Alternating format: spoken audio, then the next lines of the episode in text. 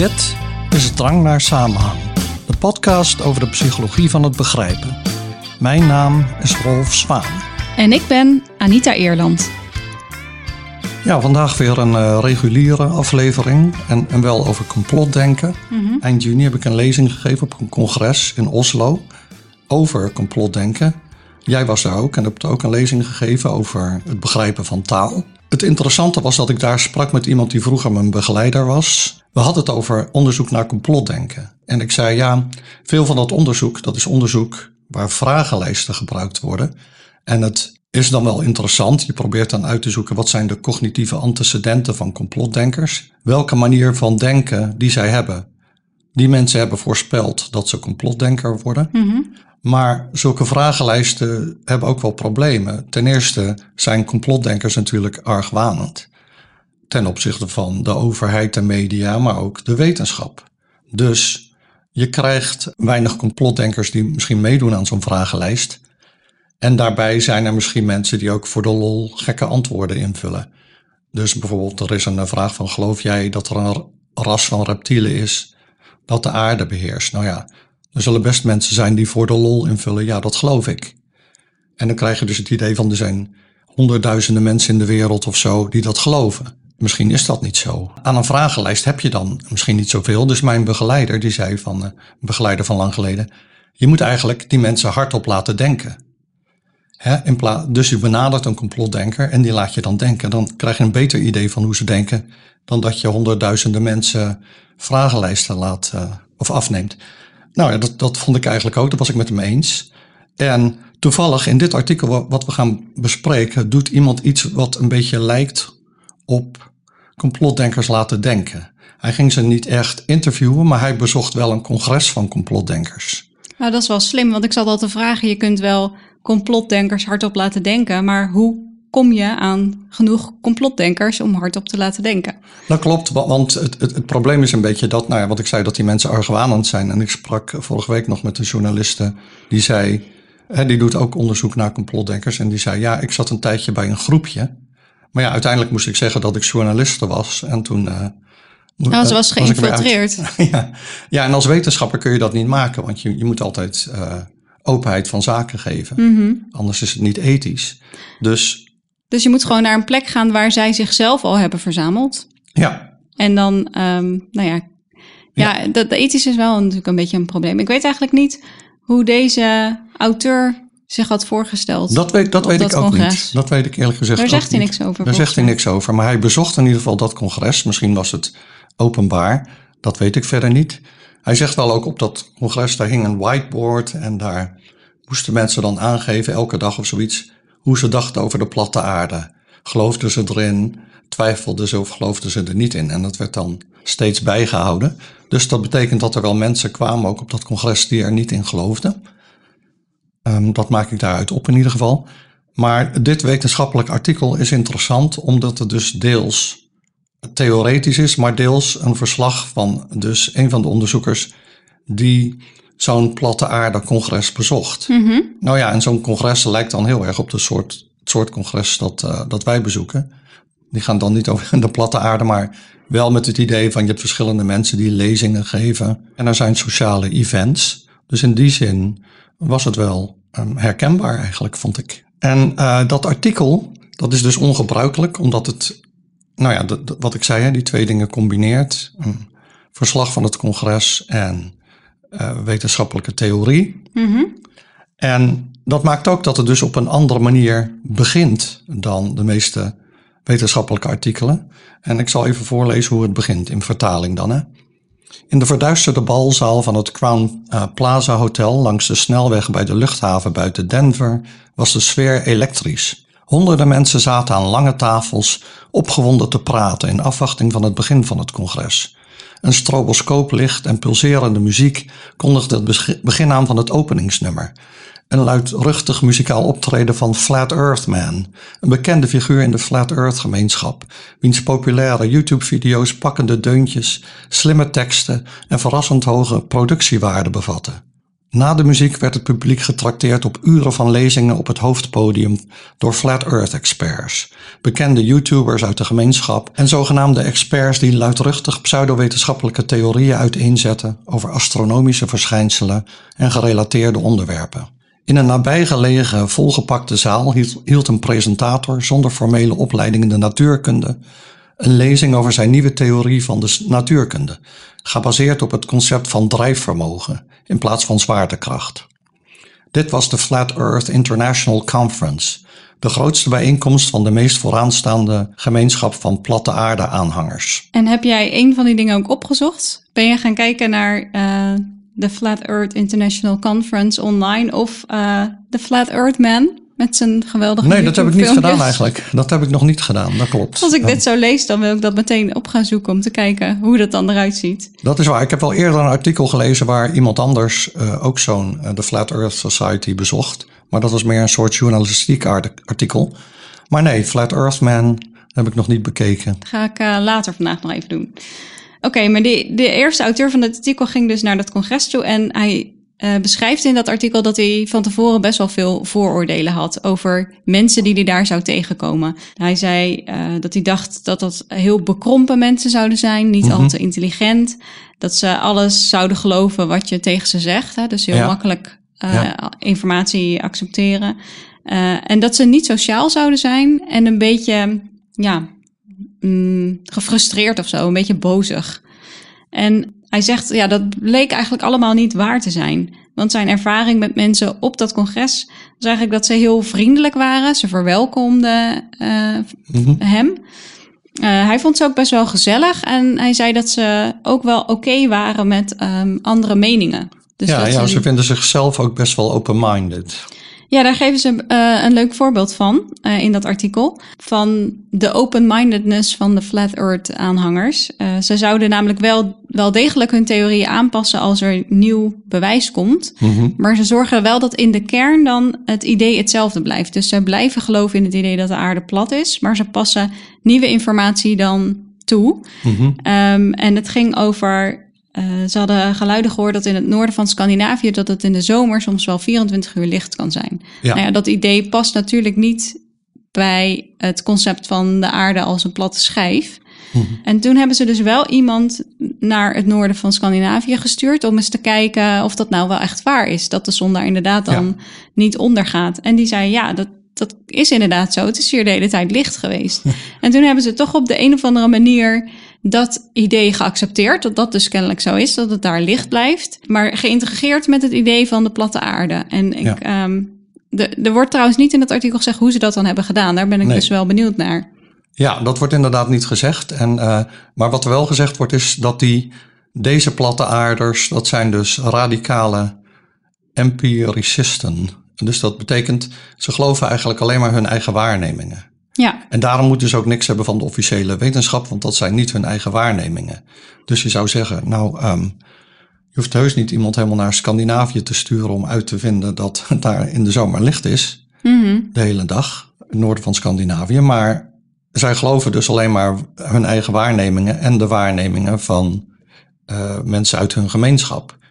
Ja. En dat doet me ook denken aan de klimaatdiscussie. Um, dat volg ik dan bijvoorbeeld op uh, nou ja, die ingezonden brief op nu.nl, ik zeg dat wel vaker. Mm -hmm. Dat is volgens mij als jij onderzoek, onderzoek doet naar wetenschapscommunicatie, is dat een goudmijn. Want je ziet gewoon hoe verschillende mensen dan wetenschappelijke bevindingen interpreteren. Maar een van de dingen die dus gebeuren, is dat sommige mensen geloven gewoon niet in jaargemiddelden over hè, van metingen van uit verschillende landen.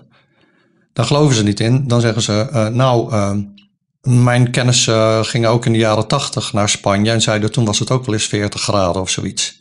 En dat vinden ze dus overtuigender dan informatie hè, over meetstations in allerlei landen. Ja, maar dan geloven ze dus dat de data die worden aangeleverd, dat die niet waar zijn. Deugen. En ze geloven ja. dus meer in de observatie van een bekende. Ja. Die dan een herinnering heeft aan de jaren tachtig of zoiets. Dat is ook makkelijker te begrijpen en concreter. Ja. Dus dat is best ja. logisch. En dat zie je bij deze platte aarders dus ook, zegt de auteur, eerste auteur van dit artikel. De tweede auteur was niet bij het congres. Maar ik denk wel dat dat niet helemaal representatief is voor de platte aardedenkers in het algemeen. Dit zijn mensen die naar zo'n congres gaan, die zijn waarschijnlijk uh, ja, meer gemotiveerd om te leren over het onderwerp, denken er meer over na, uh, zijn misschien meer geïnteresseerd in onderzoek in het algemeen. Uh, van ja, het soort onderzoek dat zij dan. Hun eigen onderzoek. Ja, hun eigen onderzoek. Terwijl in die video van NTR, die mensen zijn helemaal niet open-minded, want die willen eigenlijk de journalisten verwijderd hebben uit de zaal. Ja, ze worden heel ehm, boos als ze ontdekken dat er een journalist is. Van die mensen zou je ook echt niet zeggen dat ze intelligent waren. En dus ik denk dat in dit artikel dat ze wel een selectief gezelschap van platte aarders hebben. Ja, dat zou kunnen. Um, en, dus, en dat zijn dan platte aarders die uh, nou ja, dus wel relatief open van geest zijn blijkbaar, maar dus alleen niets moeten hebben van de officiële wetenschap. Maar ze zijn niet dom. Het probleem is anders. En daar komt hij dan later op terug. Maar um, wat wel interessant is op zich, en dat is wel goed voor iedereen om dat te bedenken, want je kunt wel luchtig of uh, lollig doen over platte aarde mensen. Maar die mensen zeggen van, uh, oké, maar leg jij dan maar eens uit waarom de aarde een bol is. Mm -hmm. En dat kunnen veel mensen niet. Die, en die gaan dan verwijzen naar uh, de meningen van anderen of naar, kijk, dit is een foto van de aarde uit de ruimte. Maar dan zeggen die platte aarde aanhangers, ja, um, die foto's zijn fake. En die mensen waar jij je mening op baseert, die zitten in het complot. Dus je moet met andere argumenten komen. Dus dat is op zich nog niet zo gemakkelijk. Dus je kunt je ook wel voorstellen dat zo'n platte aarde aanhanger dan mensen die geloven dat de aarde een bol is, dat ze die juist bekrompen vinden. Ja. Omdat die zich baseren op de meningen van anderen. Nou ja, zij kunnen alles wat uh, de mensen die geloven dat de aarde een bol is, zeggen over de platte aarde. zij kunnen dat andersom natuurlijk dan ook zeggen. Ja, ja dat klopt. Ja. ja. Hey, we hebben het nu uh, vaak gehad, uh, nou, we hebben het nu gehad over dat congres voor, voor mensen die geloven in de platte aarde. En um, jij zei dat er zo'n bord hing. Ja, een, een, white, een whiteboard stond er en daar werd dan op, moesten mensen aangeven van wat ze dan op dat moment geloofden. Ja, dus er was best wel wat variatie in ja. hoe sterk mensen geloofden in het idee van de platte aarde. Um, maar er waren drie uh, kernzaken waarover iedereen het in ieder geval eens was. En dat was allereerst, nou, de aarde is plat schijf. Ja. Um, met land en water in het midden en aan de rand een, uh, ja, een dikke laag van ijs. Tweede punt waar iedereen het over eens was, was dat de aarde onder een koepel zit. Mm -hmm. En dat de zon, de maan en de sterren projecties zijn op deze koepel. En het derde punt waar iedereen het over eens was, was dat uh, alle beelden van de aarde, de, van de maanlanding, lancering van raketten, dat soort dingen, dat die niet echt zijn. Die zijn uh, gefabriceerd mm -hmm. door NASA. En die organisatie wordt gecontroleerd door de nazi's. Ja. Ik snap niet waarom er altijd nazi's mee moeten doen in complotverhalen. Nou ja, dat is dan, laten we zeggen, de ultieme slechterik. Ja, die duiken ja. gewoon overal. Altijd, ja. Overal zijn nazi's bij betrokken. Ja. Uh, dat, dat, dat, dat, nou ja, dat is omdat als je dus een, een, een beeld van slechterikken wilt oproepen, dan heb je eigenlijk haast niks beters dan de nazi's. Dat is dan denk ik het idee. Hmm. Maar dan ja, dat, dat is dus het idee van de platte aarde. En je ziet ook wel hoe dat dan in elkaar grijpt. Daar hebben we het wel eens eerder over gehad. Dat als jij dus gelooft dat de aarde plat is en onder een koepel zit, dan moet je wel geloven dat de maanlanding fake was. Ja, dat Want kan, anders ja. zouden raketten door de koepel moeten gaan. En als de maan bovendien een soort projectie of een, uh, weet ik veel, een deukje is in de koepel, ja. dan is er helemaal niks om, dat, uh, om op te landen. Ja, maar ik vroeg me dus af, hè, want ze hadden wel iemand naar Scandinavië gestuurd om te controleren Ja. of het daar inderdaad de hele tijd licht is. Als we nou, het is wel een beetje een dure grap, maar eh, zo'n eh, complotdenker in een raket sturen om dan naar de aarde te kijken vanuit de ruimte. Ik bedoel, zij geloven dat je op een gegeven moment tegen een koepel aanknalt. Ja, dan gaan ze, als die persoon zegt: nee, nee, het was echt zo. Ik heb echt uh, de aarde gezien, het is een bol en we zijn op de maan geland. Ik heb er nog rondgelopen. Dan gaan ze zeggen: jij zit ook in het complot. Ze hebben jou geïndoctrineerd, denk ik. Ja, dan is het wel een beetje te duur en Ja. om uh, mensen te redden Ja. van, uh, Ja, vanuit de groep van de Elon, platte Elon aarde. Musk het wil, maar iemand Ja, wil die wil zoveel. Ja. Maar, uh, nou ja, goed, we hebben het over de platte aarde. En dan zou je denken van, oh, dat is zeker een recent idee. Mm -hmm. Of nou, eigenlijk natuurlijk niet. Je zou denken van, dat bestond in de tijd uh, natuurlijk van uh, uh, voor Copernicus en zo. Ja, ik zou ja. denken het is juist heel oud, Een maar oud op een bepaald idee. moment wisten Ja. we dat de aarde een bol was. Maar dan was het meer een soort aanname, maar misschien nog niet echt een theorie die dan concurreerde met het idee van de aarde als een bol. Nee, nee. Maar ik denk Ja. wel dat het natuurlijk een tijd het heersende wereldbeeld is geweest. Ja, ja. Ja, dat zeker. En die ideeën, eh, dus van, van de platte aarde, die vinden hun oorsprong in de, in de geschriften van iemand. En die heet Samuel Rowbotham. En dat was een utopische socialist. En die had een pamflet geschreven in 1849. En eh, daarin zette de- hij dus zijn theorie uiteen van eh, de aarde is een schijf. En het centrum is de Noordpool. En er zit een ijsmuur omheen. Mhm.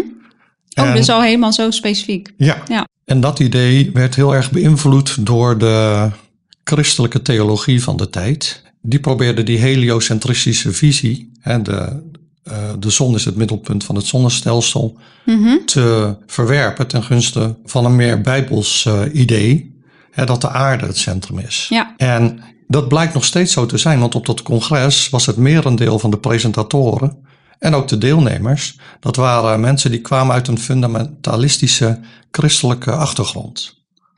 Ja, dat is wel logisch dat je, Ja. als je ervan uitgaat dat de aarde het midden, middelpunt is van alles. Ja, ja en dan- dan heb je dus, eh, en het, dus die koepel, dat noemen ze ook het firmament.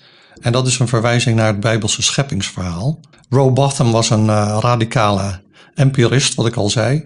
Of in ieder geval zei ik dat over de platte aarde aanhangers. Mhm. Rowbotham had zijn theorie ook ontwikkeld op basis van waarnemingen en metingen die hij deed in afwateringsgreppels in Engeland. Lekker En- representatief. En uh, nou ja, de, dus en die uh, platte aarde mensen, die hebben dus ook een voorkeur. Of eigenlijk accepteren ze alleen dus observaties die ze zelf doen of die gedaan zijn door mensen uit hun groep. ja, ze doen hun eigen onderzoek. Dat klopt, ja. En dat is ook het enige wat ze dan geloven of waar ze vertrouwen in hebben. Ja. En nou nog even meer in het algemeen over complotverhalen. want je kan zeggen een congres, platte aarde, dat is zeker, uh, dat neemt dan zeker een uh, grote vlucht ineens, dat complotdenken. Mhm.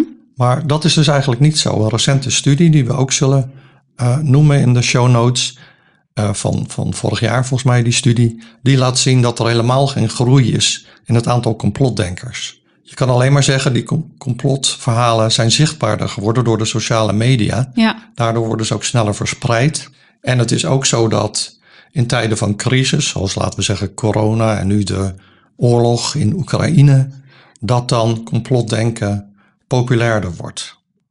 Ja, maar dat is dus Ja. altijd, altijd zo, is dat zo geweest dat er in tijden van crisis meer Ja, ja. aandacht is uh, voor uh, complotdenken. En ik had ook het idee dat het nu veel vaker voorkwam. Ik dacht, he- help, ineens wordt iedereen een complotdenker uh, geworden. Maar dat Nee. is dus niet zo. Nee, dat is niet Nou, zo. dat is op zich wel fijn om te weten. En, maar wat wel ook meespeelt, en dat wordt ook in het artikel gezegd, is polarisatie. En dus verschillende groepen mensen krijgen hun nieuws uit verschillende bronnen. En Ja. dat kunnen YouTube-video's zijn. En dan zitten ze dus in zo'n echokamer. We hebben trouwens ook een aflevering gemaakt over echokamers. Ja, dat klopt. Ik weet niet meer welk nummer, maar we Nee. zullen een link voor de lange show notes, maar die link daarin zetten. Ik moet even op Ja. gaan schrijven wat ik allemaal straks in die show notes moet gaan zetten. Want uh, het is al een, een behoorlijke lijst geworden, ja. Nee, maar dat klopt. Er zijn eigenlijk heel weinig centrale bronnen van informatie meer. Dus vroeger haalden mensen meer... Ja, haalde iedereen zijn informatie uit dezelfde bronnen. Eenzelfde krant, eenzelfde uh, journaal of... Um, weet Ja. ik veel wat je hoorde op het marktplein of zo. Ik heb geen idee. Verse vis. Dat is geen nieuws. Nee. Nee, maar dat is nu heel erg uh, versplinterd, hè? dat landschap van waar je informatie Ja. kunt verkrijgen. En iedereen haalt informatie van zijn eigen bron. En die bronnen zijn altijd gekleurd. Dat was Ja. vroeger natuurlijk ook zo. Maar Mhm. dan had je in ieder geval allemaal dezelfde basis. En nu Ja. kun je over eenzelfde gebeurtenis zoveel verschillende berichten lezen. Dat klopt, ja. Je kunt verschillende berichten lezen, maar dat doen de meeste mensen niet. Die lezen alleen maar één type bericht. Ja, dus verschillende mensen hebben dan over hetzelfde, uh, dezelfde gebeurtenis een andere Ja. interpretatie gelezen. En dan krijg je Ja, en da- daarom is het dus wel leuk om te kijken dan naar die ingezonde brieven nogmaals. Omdat uh, daar komen die mensen dan toch samen. Die dus hun verschillende informatiebronnen hebben. En die hebben dan in ieder geval een, nog een discussie. Maar daar zie je dus heel sterk die polarisatie. Als jij dus voor de wolf bent, dan ben je tegen de boeren. En omgekeerd. Als jij voor de wolf bent, dan ben je voor de klimaatplannen. En als je tegen de wolf bent, als je tegen de wolf bent, ben je meestal ook iets minder voor Oekraïne dan wanneer je voor de wolf bent en zo enzovoort. Dus je zou zeggen, sommige van die onderwerpen hebben niet veel met elkaar te maken, andere weer wel natuurlijk. Ehm, maar die, die delen dan de bevolking op in twee, twee delen eigenlijk. En dat was vroeger niet zo volgens mij. Niet zo sterk. Niet zo sterk. Nee, Nee, dat wordt wel steeds Ja. sterker. En ik snap dus ook wel dat er vanuit de maatschappij best wel veel zorgen zijn over complotverhalen en complotdenkers. Eh, maar ook vanuit de wetenschap is er veel meer aandacht voor gekomen. Dus het, Ja. het komt niet vaker voor, maar er is wel echt veel meer aandacht voor. Ehm, ja, er wordt nu veel meer onderzoek gedaan naar misinformatie, fake news, ehm, het ontkennen van de wetenschap en Mhm. wetenschappelijke kennis. Maar tot nu toe is die aandacht vooral geweest vanuit de hoek van de sociale psychologie. En wat wel Ja. interessant is aan dit artikel, is dat het gaat ook kijken naar hoe ehm, aspecten van eh, complotdenken en complotverhalen interessant kunnen zijn voor meer cognitieve onderzoekers. Ja, en daar ging eh, ook precies mijn lezing in Oslo over. En die was dan gebas- gebaseerd deels op het boek Drang naar Samenhang. Want daarin zeg ik eigenlijk, complotdenken is een manier van begrijpen. Het boek gaat over begrijpen, niet per se over complotdenken. Nee. En eh, hier zie je dus dat die complotdenkers, en dat is ook eigenlijk ook de strekking van het artikel, niet op een heel andere manier denken dan andere mensen. Ze gebruiken dezelfde mechanismen, maar komen tot andere conclusies, wat ook een beetje de strekking is van, van het boek. En dus dat vond ik een beetje een feest der herkenning. En wij hebben natuurlijk ook iets meer een cognitief perspectief dan een sociaal-psychologisch perspectief. Ja. Dus in die zin past dat dan ook goed. En om even terug te gaan naar dat artikel. hè, Die eerste auteur vindt dan zijn vooroordelen niet bevestigd.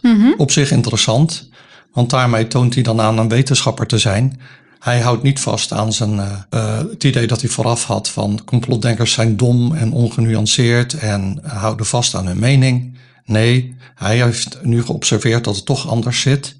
De complotdenkers eh, zijn onderdeel van een genuanceerde verwevenheid van individuele en groepsprocessen die minder pathologisch zijn, dus minder ziekelijk zeg maar, en eigenlijk meer typerend zijn voor hoe wij in het algemeen denken. Maar die processen, dus die individuele en sociale processen, kunnen op zo'n manier met elkaar interageren dat je dus extreme resultaten krijgt, zoals dat een hele groep gelooft dat er een samenzwering is om te verhullen dat de aarde plat is. En eh, ja, dan zegt hij, en dat sluit eigenlijk best wel aan bij wat eerder onderzoek eh, laat zien met betrekking tot eh, wetenschappelijke en bovennatuurlijke overtuigingen. Dus in die zin zijn de complotdenkers qua denken niet zo heel veel anders dan, dan andere mensen. Maar toch komen ze tot hele andere conclusies. En hoe komt, komt dat nu? Nou ja, dan zeggen ze, als je dus complotdenken wil onderzoeken, dan kun je dat eigenlijk op drie niveaus doen. Het eerste niveau is het cognitieve niveau. Hoe denken die mensen nu eigenlijk echt? Het tweede niveau is het individu in de omgeving. Dus bijvoorbeeld, eh, wat zijn de factoren die maken dat iemand een complotdenker wordt? Ja, precies. En dat is eigenlijk sociale psychologie. Daar is heel veel onderzoek naar gedaan al. En dan is het derde niveau dat van de sociologie eigenlijk. Wat is de invloed van sociale netwerken? Dus dan heb je cognitieve psychologie, sociale psychologie en dan dus sociologie zou ik zeggen. Ja, tot nu toe hebben de meeste onderzoekers zich gericht dus op dat tweede niveau hè, van de sociale psychologie, Ja. van persoonlijkheid en individuele verschillen. Mhm. En dat maakte ook dat, ehm, ja, dat de benadering van het onderzoek naar complotdenkers best wel negatief was. Want je gaat er eigenlijk van uit dat er bepaalde individuen zijn ehm, bij wie iets mis is of die iets op een andere los, zeg manier maar. doen. Ja. ja. Ja. Dus jij noemde al inderdaad die pathologische benadering. Dat, zit daar best wel in. Mhm. Ehm, en nou ja, het is denk ik mooi om. Ik zeg niet dat we dat onderzoek niet meer moeten doen, maar om daarnaast ook te gaan kijken naar onderzoek op dat eerste niveau, dat cognitieve niveau en het eh, groepsniveau, om ehm, geloof in complotverhalen beter te begrijpen. ja. Nou, je zei dus al dat de auteurs min of meer andere onderzoekers naast sociaal psychologen aan het werk willen zetten om onderzoek te gaan doen naar complotdenkers en complotverhalen. de vraag is dan natuurlijk, ja, wat zou er dan nog gedaan kunnen worden qua onderzoek op dat, vooral dus met name dat niveau 1 en uh, niveau 3. Mm dus de cognitieve processen en de groepsprocessen. En daar geven ze wel een aantal uh, handvatten voor. Ja. Dus als we beginnen met cognitieve processen, wat zou er dan nog uh, onderzocht kunnen worden? Nou, wat een probleem is met complotverhalen, is dat ze soms uh, na een tijdje waar blijken te zijn. Dus het is niet zo dat complotverhalen altijd onzin zijn. Heel soms is er eentje die later waar is en dat is gewoon heel lastig om mee om te gaan. En complotdenkers gaan er dus van uit dat complotverhalen veel vaker waar zijn dan daadwerkelijk het geval is. En ze passen hun uh, overtuigingen ook niet zo vaak aan. Ja, wel als ze zelf misschien onderzoek hebben gedaan en, en, en als de uitkomst past bij hun theorie. Maar eigenlijk als er nieuw bewijs komt, wat niet in overeenstemming is met hun theorie, passen ze hun overtuigingen niet aan. En die twee dingen zijn dus cognitief interessant om te onderzoeken. En de vraag is, ja, hoe komt dat? Hoe komt dat dat ze dat overschatten? Mhm. Dat dus complotverhalen ze overschatten dat ze waar, dat ze waar zijn. Ja. En dat ze hun theorieën niet aanpassen. Ja, ja daar hebben ze een interessante uh, verklaring voor, die eigenlijk ook wel overeenstemt met wat ik um, denk. En dat is verklarende coherentie. Dus een samenzweringsverhaal, complotverhaal, is altijd heel coherent. Alles hangt mhm. met elkaar samen. En dat vinden we prettig. En mensen letten er dus alleen op van hoe goed passen die stukjes bij elkaar. En niet zozeer van zijn die individuele stukjes nu waarschijnlijk of niet. Dus met andere woorden, het hele idee van dat er een hele grote groep mensen zou zijn die dan een complot heeft om geheim te houden dat de aarde plat is. Dat is een ontzettend grote groep mensen met uh, journalisten, wetenschappers, astronauten, wat dus dan geen echte astronauten zouden zijn, um, politici in allerlei verschillende landen. En die groepen worden dan steeds groter, want er zijn dan steeds meer mensen die bij het complot zouden moeten horen om het verhaal kloppend te maken. Dat is extreem onwaarschijnlijk. Maar dat speelt eigenlijk geen rol, want in het denken van de complotdenker, want het maakt wel onderdeel uit van een groter verhaal. En dat verhaal is heel erg samenhangend. En dat verhaal, uh, ja, dat als zeg maar beginnende complotdenker krijg je dat ook niet in één keer, hè, geleidelijk aan. Komen er steeds nieuwe stukjes bij en uh, die vallen altijd op hun plaats. En dan heb je dus het idee van ja, alles hangt met elkaar samen. Nu snap ik het. Je accepteert zeg maar steeds kleine stukjes ja. die op zich uh, allemaal niet zo waarschijnlijk zijn. Maar als je die allemaal bij elkaar optelt, bij de kansberekening zou je die dan moeten vermenigvuldigen. En dan is de kans dat, of de waarschijnlijkheid van dat hele verhaal, van al die losse stukjes, is super klein. Ja. Maar dat verlies je dan uit het oog. Omdat het allemaal zo mooi bij elkaar past. Ja. En uh, daar heeft dan de eerste auteur een uh, voorbeeld van, van het congres. Want er waren verschillende momenten uh, tijdens dat congres waarin een spreker dan een reeks feiten of waarnemingen presenteerde die zo op het eerste gezicht vreemd of onverklaarbaar leken, maar dan vervolgens met een zwier voegde hij alles samen. En dan deed hij vaak een beroep op duistere samenzweringen binnen NASA of zoiets. Natuurlijk. En dan werden die momenten dus door het publiek begroet met hoorbare uitroepen van verbazing. Aangezien mensen een soort aha-moment beleefden. Aha-moment hebben we het over in aflevering 2, geloof ik. Oh, uh, dat weet ik ook niet meer. Ja, uh, Moet zeker ook in de show notes. We hebben nog het, uh, ja, nee, nee, we hebben nog het verhaal van Archimedes um, daarin. Um, dus een aha-moment van Eureka, ik zie hoe het zit. En dat wordt dan vergeleken met een orgasme van de geest. Uh, dus je hebt plotselinge momenten, ja, staat in het artikel, hè, zeg ik niet, van schijnbaar inzicht.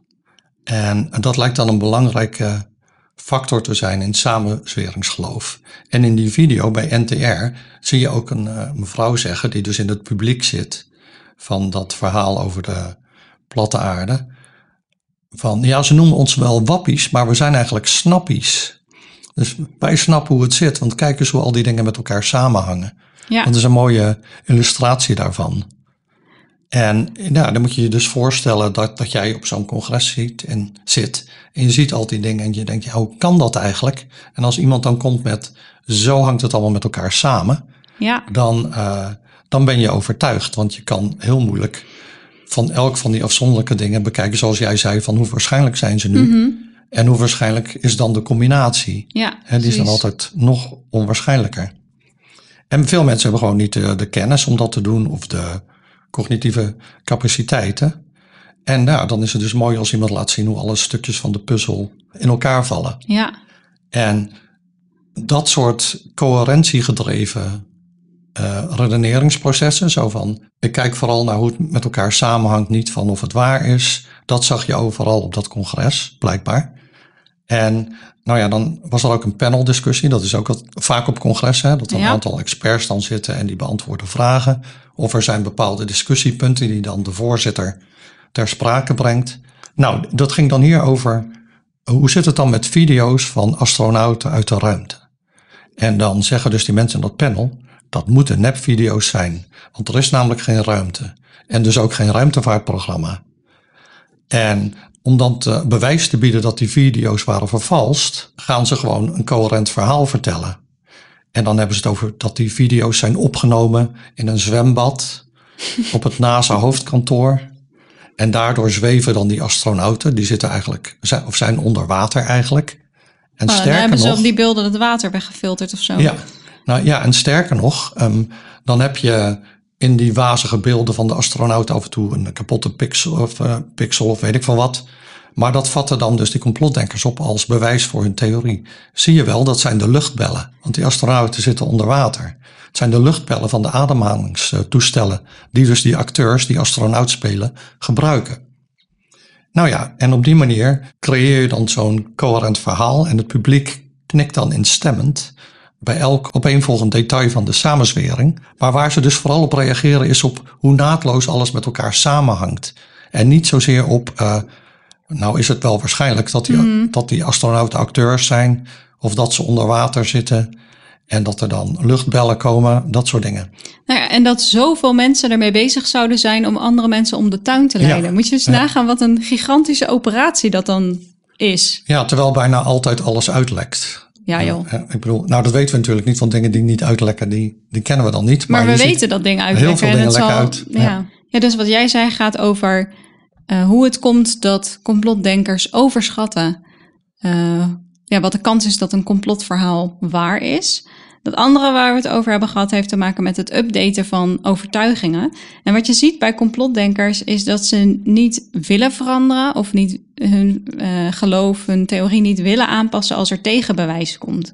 In het geval van de platte aarde is er veel en ook sterk bewijs tegen het idee van de platte aarde. En de vraag Mhm. is, ja, waarom overtuigt dat ze dan niet? Waarom passen ze hun ideeën dan niet aan? En eigenlijk uh, wat je zou verwachten is naarmate er meer tegenbewijs komt, hè, dat onthoud je dan, en dan Mhm. op een bepaald moment stapelt zich dat op, dat dan het geloof in jouw complotverhaal minder sterk wordt. Dus elke Ja. keer update je een klein beetje. Mhm. Op een bepaald moment is er genoeg tegenbewijs in jouw ogen en dan eh switch je. Of Mhm. dan ehm, verwerp je die theorie die je aangehangen hebt. Dat zou, dan zou dus een een complotverhaal met de tijd minder sterk moeten worden. Maar het omgekeerde lijkt het geval. Ja, Eh, dus er is wel eens bewijs tegen het idee dat de aarde plat is. Maar mensen gaan, eh, gaan steeds sterker in die theorie geloven. En dat kan natuurlijk verklaard worden door het feit dat wij graag onze eigen ideeën bevestigd zien. Mhm. ja. ja, dat is dan confirmation bias. En daarover heb ik het in het boek, en daar hebben wij een hele aflevering over gemaakt, bevestigingsvooroordeel. Eh, Ja, maar en goed, dat hebben we zeggen- natuurlijk allemaal. En dat, eh, dat Ja, is dat niet iets allemaal. wat eh, eh, complotdenkers alleen maar Nee. doen. Maar dat kan wel verklaren waarom je ehm, nou ja, tegenbewijs negeert. En Ja. vastbl- je eigenlijk vastbijt in je, in je eigen... Ja, maar wat dan eigenlijk het mechanisme ook is, is dat je dus degene die met tegenbewijzen komen, dat je daarvan de, eh, nou ja, dat je die kleineert. En dat is dus ook weer in die NTR-video dat die eh, platte aardeman zegt van, eh, ja, en meneer Newton en meneer Einstein, en hij zet ze een beetje weg als charlatans, terwijl je er vergif op kan innemen dat hij hun theorieën niet begrijpt. En um, dus dat doet hij eigenlijk. En dat is typerend voor, voor wat er gebeurt. Hè. Je gelooft niet wat de officiële mensen zeggen. Officiële, de mensen die ervoor doorgeleerd hebben. Je gelooft je eigen waarnemingen. En dat noem je, ik doe zelf onderzoek.